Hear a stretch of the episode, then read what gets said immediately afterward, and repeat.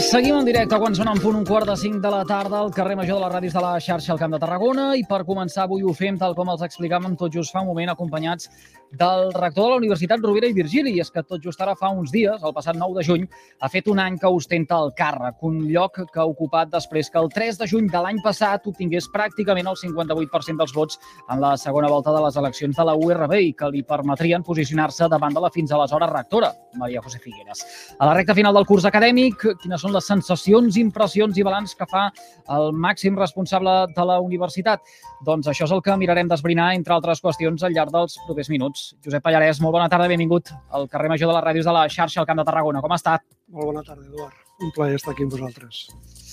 Quin balanç fa després d'aquest primer any ocupant el càrrec, amb poques paraules? En poques paraules, jo parlo poc, acostumo a parlar poc. Positiu, jo crec que és un balanç molt positiu d'aquest primer any. Eh, han pogut eh, tirar endavant molts dels projectes, iniciar molts dels projectes que ens havíem planificat i això ens dona peu a enfrontar aquests tres anys que en queden de mandat en, en les esperances renovades i en tota la il·lusió ara, ja que parla d'accions, eh, recordo que tot just ara fa un any feia referència a, a, a poc més de eh, 200 punts de treball per tal de poder desenvolupar al llarg del mandat. Eh, tenia un programa ben definit, en parlarem eh, de tot plegat. Eh, en tot cas, quin seria el percentatge que eh, diria que a dia d'avui ja s'ha pogut assolir? Doncs mira, te puc contestar en dades exactes perquè les van presentar al claustre de, del maig, per tant, recentment. Eh, teníem 236 actuacions el nostre programa electoral i d'aquestes 236, eh, 41 ja estan executades, per tant ja les podem donar per finalitzades. 142 eh, estan eh, en fase iniciades i en fase de desenvolupament i la resta encara queden pendents d'iniciar. Però en contra, o de forma alternativa, hem iniciat fins a 53 actuacions que no estaven previstes inicialment en el programa electoral perquè són necessàries, algunes d'elles, per exemple, derivades de canvis legislatius o també derivades de, dels aspectes relacionats amb el preu de l'energia i el pla d'emergència energètica que hem iniciat. En parlarem de, de tot plegat, sobretot ara que eh, és en boca de tothom eh, l'agenda 2030 de les Nacions Unides, eh, amb aquests objectius de desenvolupament sostenibles que qui més, qui menys eh, treballa o hauria de eh, treballar. En tot cas, senyor Pallarès, permeti'm que li pregunti per eh, les actuacions que ja estan iniciades. Són actuacions eh, que culminaran al llarg del proper curs acadèmic? Són actuacions eh, fer-ne seguiment eh, més a llarg termini? Eh, tenim de, de, de tot tipus. Dins de 141 actuacions te pots imaginar que n'hi ha que són eh, més de curt termini i n'hi ha que són de més de planificació i actuacions de, de canvis de metodologia, sobretot, que requereixen un, procedi un temps molt més llarg. Eh, han fet molt èmfasis en tot el que són la simplificació de processos interns. Això no es pot eh, fer d'un dia per l'altre, al contrari, la dinàmica de la universitat. Hem d'assegurar que el dia a dia continuï funcionant i de forma paral·lela eh, poder establir aquests canvis de dinàmiques, aquestes metodologies que ens han de permetre simplificar, simplificar processos i això, evidentment, tindrà un recorregut no només de 3 anys, sinó que haurà de tindre un recorregut molt més llarg suposo que fas referència no, a aquesta burocràcia, tota aquesta paperassa que a vegades eh, alenteix eh, el, el sí, dia a dia o el desenvolupament d'aquelles accions que eh, potser creiem com a ciutadans que poden eh, anar més ràpid, però que després, quan truquem a una porta, veiem que eh, triguen molt més temps del que es preveia. Exacte.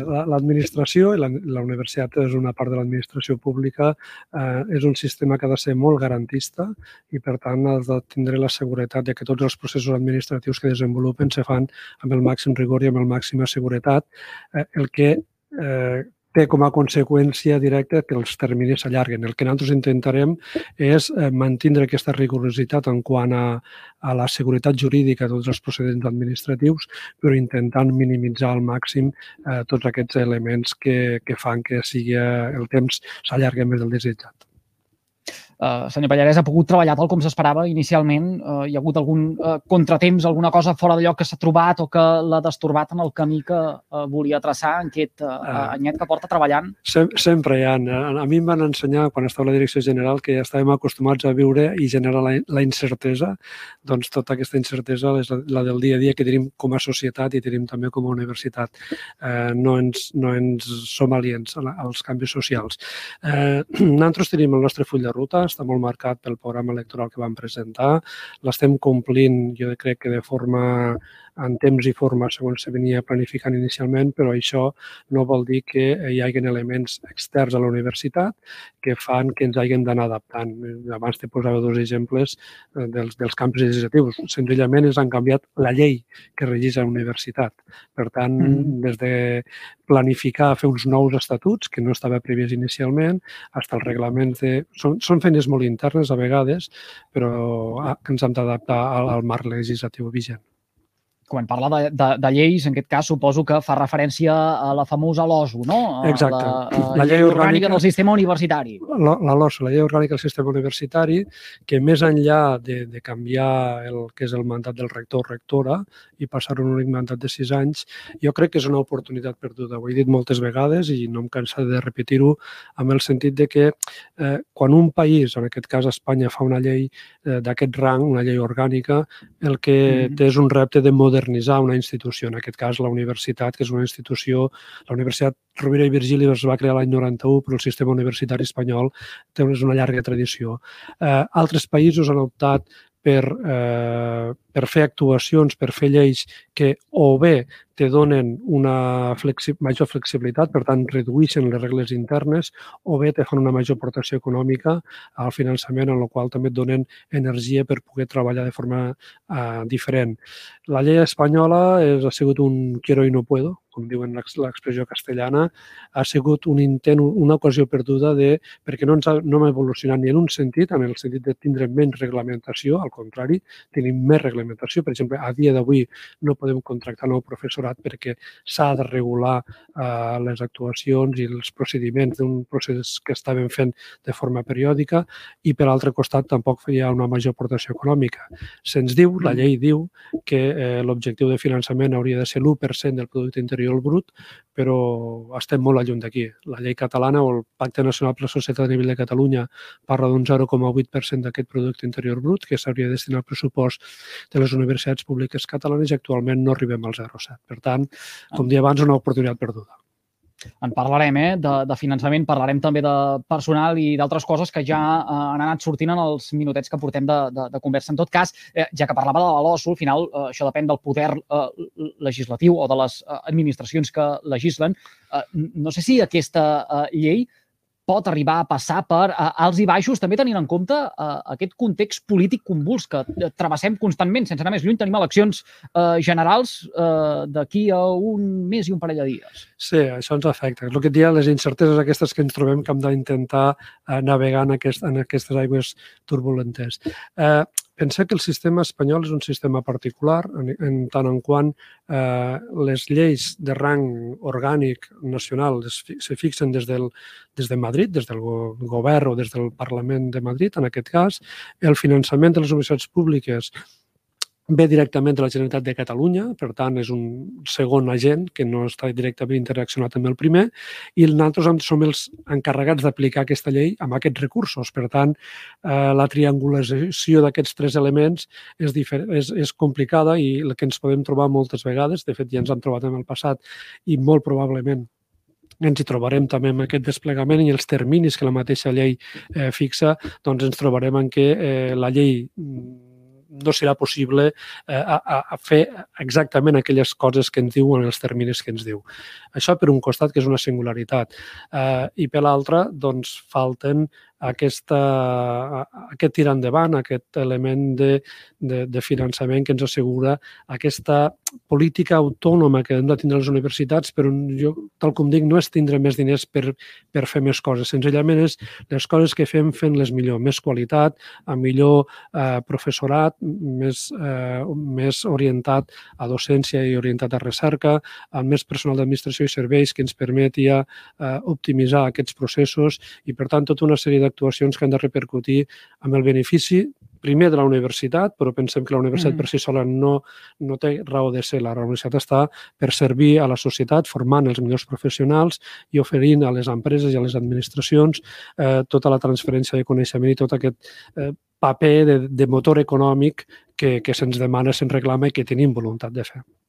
Com a, com a figura eh, màxima responsable del desenvolupament del dia a dia de, de la universitat, senyor Pallarès, què és el que més li preocupa? Eh, és aquest finançament el que eh, deia ara, és poder satisfer totes les necessitats, eh, és eh, pensar en el que pot passar potser amb la intel·ligència eh, artificial, eh, és la consecució d'aquesta gent de 20-30 que eh, tants mal de caps eh, genera també perquè eh, moltes vegades tenim l'energia, les ganes de fer més, però a l'hora de la veritat es pot arribar no tan lluny com voldríem. Exacte.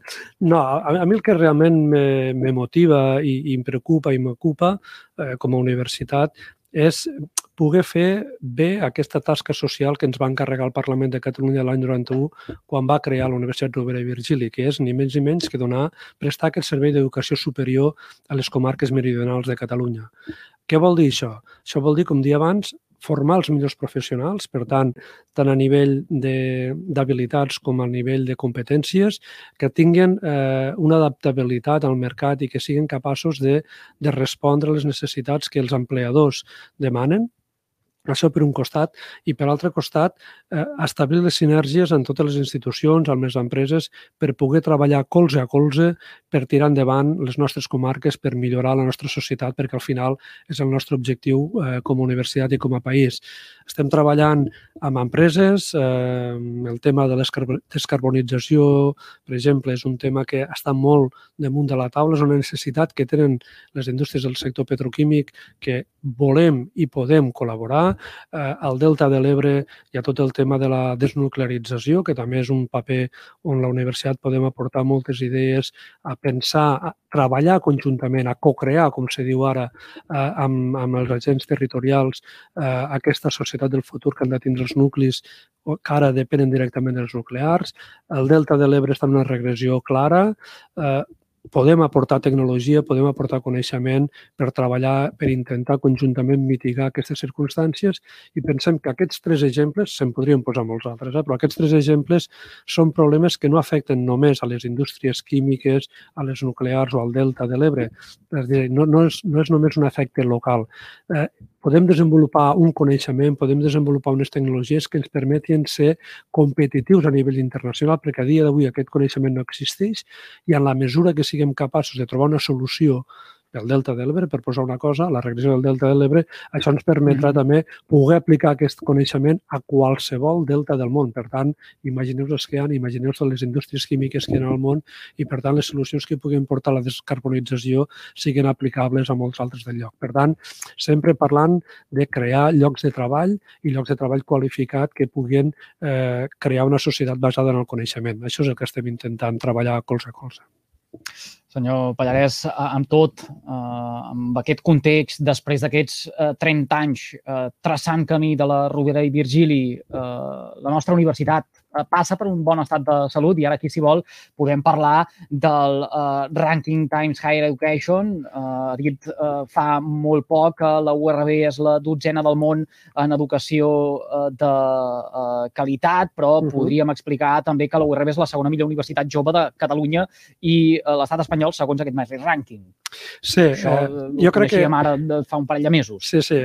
Eh, jo crec que hem d'estar orgullosos i, i ens han de creure no només la nostra, la nostra universitat, que també, sinó les nostres capacitats de poder transformar aquest futur. Eh, quan se parlen dels rànquings, jo sempre dic que, eh, primer, si apareixes, si no apareixes malament, per tant, diguem-ne, has d'estar a la foto, perquè si no estàs a la foto vol dir que a nivell mundial eh, no, ets, no ets ningú, no, ningú, ningú et coneix. I això és el pitjor que pot passar. La societat tarragonina, la societat de les nostres comarques, eh, ha, de tindre els peus al nostre territori, el desenvolupament social i econòmic, però el cap al món i aquesta visió internacional. Però l'important dels rànquings que van apareixent de forma sistemàtica és que cada rànquing mira una cosa diferent. No hi ha dues classificacions que siguin exactament iguals, però la, la bona notícia és que sigui quina sigui la cara del poliedre que es miri, que, es, que analitzen aquell rànquing, nosaltres apareixem sistemàticament a totes. Pot ser una posició més gran, millor, pot ser una posició no tan destacada, però sempre amb una posició molt per damunt del que s'espera de la nostra universitat o del que es podria esperar d'una universitat de la nostra mida, amb els nostres estudiants, amb el nostre professorat que tenim. Per tant, això és el que ens ompli d'orgull, el que ens anima a treballar de forma continuada i sostinguda amb el temps. És un treball que no és un fruit d'un dia, és un treball de, com diem abans, de, de 30 anys o més eh, que es va crear a la universitat, eh, amb tots els estudis que havien abans a, a les nostres comarques i, per tant, és el resultat d'una molt bona feina feta durant molts anys i el que hem de procurar és eh, aquest futur mirar-lo amb la mateixa intensitat i mirar-lo amb, amb, amb tot l'optimisme que es mereix. Senyor Palleres, va, eh, ja que estem enfocant el futur, eh, permeti'm que li pregunti per eh, les instal·lacions. Al final, més enllà de la matèria que es pugui impartir a les aules, és el que crida l'atenció també a les portes, ara, per exemple, de l'estiu, en la planificació dels cursos vinent i, per tant, a l'hora de captar l'interès de nou estudiantat, és el que crida l'atenció directament a la, a la vista què és el que tenim eh, a dia d'avui i què és el que tindrem en el futur, després d'alguns rentats de cara que ja s'estan projectant. I som testimonis d'això, per exemple, al Campus Catalunya, i els agradaria ser testimonis d'això també, per exemple, a la Facultat de Ciències de l'Educació si anem a ses salades. Exacte, i, i anirem a ses salades i ho veurem, no cal patir. Uh, jo la, la contextualització que volia fer abans de contestar el que, que em preguntes és que eh, a nivell de Catalunya arrel de la crisi econòmica de l'any 2008, el que anomenem Pla d'Infraestructures Universitàries, que és el finançament que dona la Generalitat específic per construir, eh, ha, ha baixat dràsticament. Per tant, des de l'any 2008, eh, les universitats, amb recursos propis, eh, no som capaços de fer front a grans infraestructures. Per exemple, eh, amb l'estudi que s'ha fet amb l'Ajuntament de Reus per quan costaria traslladar la Facultat de Ciències de Medicina i de la Salut de Reus del centre de Reus al lloc a Bellicens, que és el lloc on hauria d'estar, estem parlant de 80 milions. Pensem que a nivell de Catalunya, per totes les universitats públiques, el finançament de la Generalitat és de 51 milions. Per tant, estem parlant de quantitats molt grans, per a aquest projecte en concret, que requereix una planificació plurianual i requereix no només recursos propis de la universitat o recursos que puguin vindre de la Generalitat de Catalunya, del Departament de Recerca i Universitats, que sinó que requereix treballar conjuntament amb les administracions locals per poder trobar aquest finançament addicional. Però bueno, les, el que sí que és assolible a curt termini, eh, més enllà de les obres que estem fent de la, la plaça de la Concòrdia al Campus Catalunya, eh, és la, l'adequació de la Facultat de Ciències de l'Educació i Psicologia al campus eh, Cecelades. Estem ja licitant les obres per poder tenir amb dos, tres anys, les obres sempre dic que saps quan comences però mai saps quan acabes, per poder tindre l'actual edifici de, de la Facultat de Ciències de l'Educació i Psicologia amb les condicions dignes que es mereixen els estudiants. També l'aula magna que hi ha, que és l'edifici més gran, la sala més gran mm. que tenim com a universitat, eh, arreglar-la perquè sigui un edifici de campus i que tota la comunitat universitària se'n pugui beneficiar.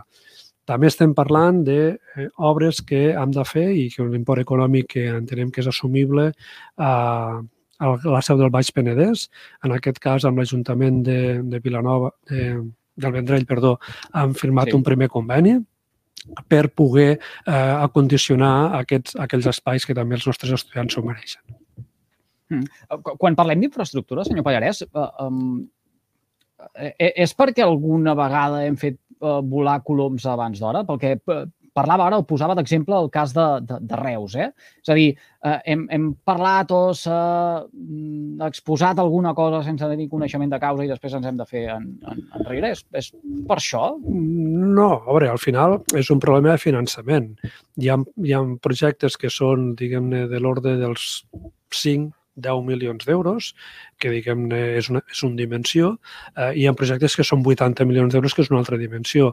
Aquests projectes de més import, no, el que està clar és que no els podem absorbir sols com a universitat.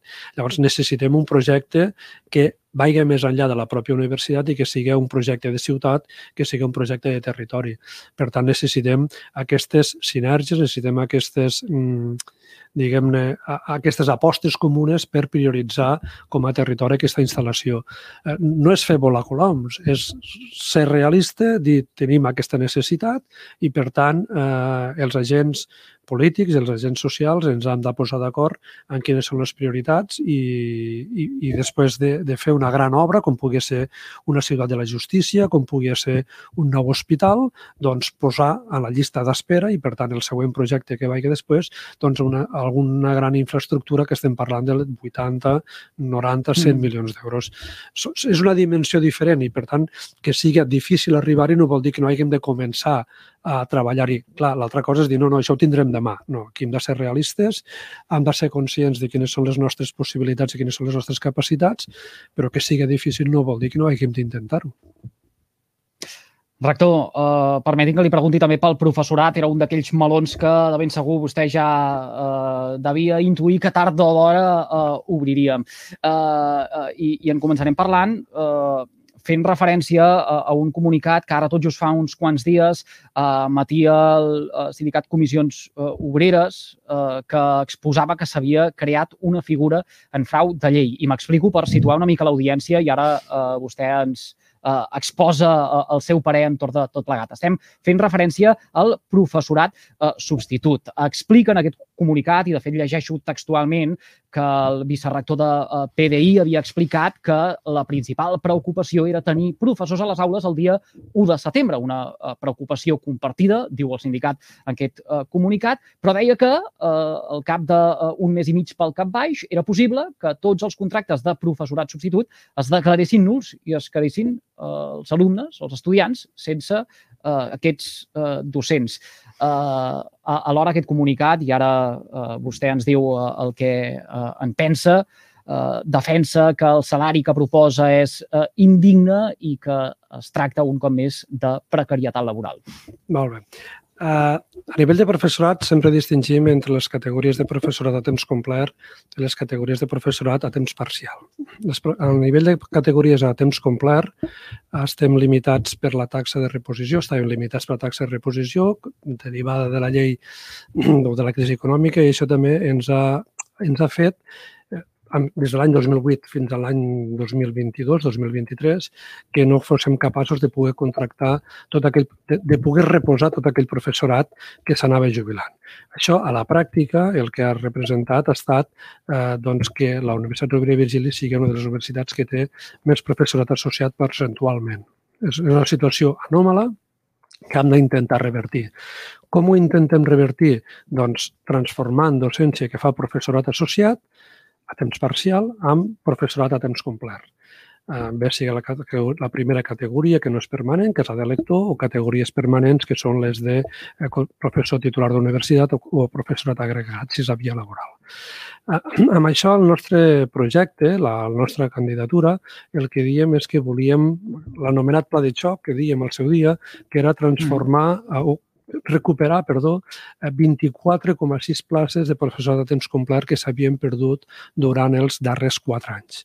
Aquest era el nostre, el nostre objectiu i el que ens hem trobat és que la Generalitat ha fet un pla de xoc, que diu el mateix nom però és diferent, que consisteix en transformar docència de professorat associat en professorat a temps complet. És un problema, com dia abans, molts associats, que no és només de la Rovira i Virgili, sinó que és a nivell de sistema universitari català. Eh, això el que implicarà serà que en tres anys s'incorporaran 75 persones a temps complet. Se transformarà la docència de temps parcial a temps complet, per tant, millorarà la qualitat dels ensenyaments i en lloc dels 25 que inicialment teníem nosaltres previst, eh, se'n poden fer 5 a 75 durant 3 anys, a raó de 25 per any. Per tant, amb el primer any assoliríem aquest objectiu que ens vam marcar per 4 anys. Aquesta seria eh, la principal actuació a nivell de professor de temps complet. A nivell de professor de temps parcial, i és la pregunta que em feies tu, sí. eh, la, la llei, la LOSU, la llei, ens ha donat una sorpresa, que és creiem una nova figura, que és una figura de professorat substitut. Clar, eh, és el règim laboral i, per tant, el que s'ha de fer, com qualsevol figura laboral, el primer que s'ha de fer per poder implementar és negociar-ho amb els sindicats. És una figura que bàsicament són figures a temps parcial, per tant no són figures a temps complet, per tant estem parlant no del que seria ideal, que és tindre molt professor de temps complet, sinó del que fem per, per sortir del pas, per dir-ho d'una forma, que és aquest professorat eh, que no és a temps complet, que és a temps parcial, i aquest professorat substitut el que han fet ha estat no la URB, sinó tot el sistema les, totes les universitats públiques del sistema català, el que han fet ha estat una negociació conjunta eh, per d'universitats per eh, sindicats eh, per intentar coordinar, per intentar unificar aquestes, eh, les condicions contractuals per poder fer aquest contracte, perquè no pots contractar ningú si no estan aquestes negociacions prèvies fetes ens hem trobat? Doncs, com bé dir el vicerrector, que també és una prioritat de la universitat, hem de començar les classes i hem de contractar persones per poder fer aquestes classes perquè la LOSU no et permet eh, mantenir segons quin tipus de contractes que hi havia anteriorment, aquest curs que ara hem acabat. Per tant, eh, a nivell de hi havia ja la urgència en quant a necessitat de contractar ràpidament professorat, per tant, se van fer aquestes negociacions amb els sindicats, com estableix la llei. Aquestes negociacions se van trencar, no es va arribar a un acord eh, a nivell de Catalunya.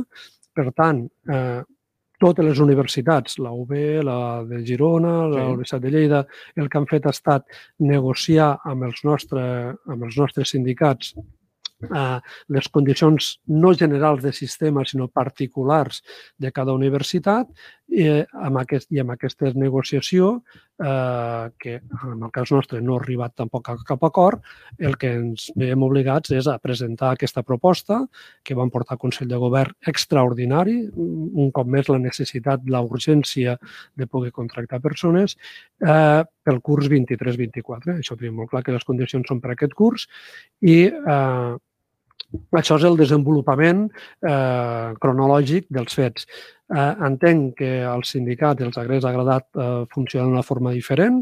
A nosaltres també ens hagués agradat funcionar de forma diferent més temps. Si la LOS hagués permès fer una moratòria d'un any de la implantació d'aquesta forma contractual, no estaríem parlant d'això.